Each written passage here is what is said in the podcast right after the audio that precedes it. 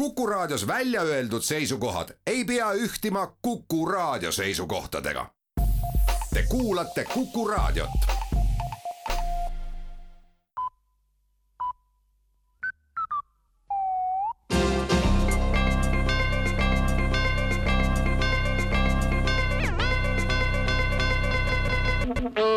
tere kuulama uudiseid stuudios Rohke Debelak. EKRE juhatus annab teada, et alates täna keskpäevast ei ole ajutiselt erakonna juhatusega võimalik kontakti saada, sest kogu juhatus täies koosseisus sisestatakse valimiste kesksesse serverisse, et oleks võimalik kontrollida e-hääletamise süsteemi seestpoolt.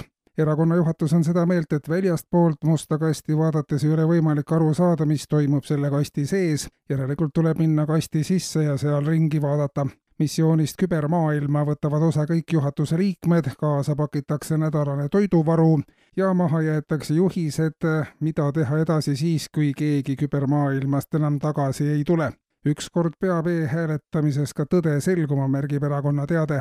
kuni kõik missiooni liikmed tavamaailma tagasi ei ole pöördunud, valimistulemusi välja ka ei kuulutata Reformierakond on aga alustanud konsultatsioone kõikide parlamenti pääsenud poliitiliste jõududega, et leppida kokku uue valitsuse koosseis.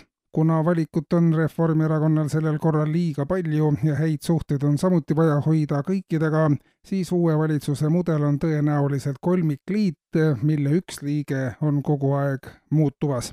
üks erakond valitsuses on püsiv ja kahte valitsuse liiget roteeritakse kvartalis korra kui see kõik on ette teada, siis ei teki ka solvumisi ega vimma. nii saavad valitsuse tööst osa võtta kõik parlamendierakonnad, välja arvatud EKRE, kes on alates homsest kübermaailmas ekskursioonil.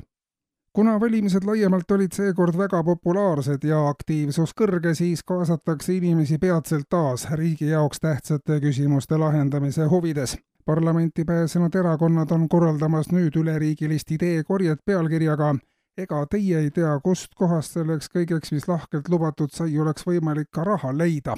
ideedega on kiire, vaja läheb neid juba paari-kolme nädala pärast. töötava idee väljapakkujale antakse üks protsent riigieelarvest puhtalt kätte ja veel üks majandusuudis. viimased kaks nädalat autopiloodil töötanud valitsuses on juhtarvuti valmis saanud Tervisekassa ja Pensionikassa rahaprobleemide komplekslahenduse. analüüs nimelt on näidanud, et lahendus peitub ka nüüd probleemis eneses ja näeb ette samasuguse kursi säilitamise kui praegu tehisintellekti sõnul toob Tervisekassa pikaajaline rahapuudus kaasa inimeste eluea vähenemise ja tulevikuks prognoositud suur pensionäride arv ei pruugi täide minna mida kehvema tervisega inimesed on, seda väiksem osa neist pensionieani üldse välja venitab.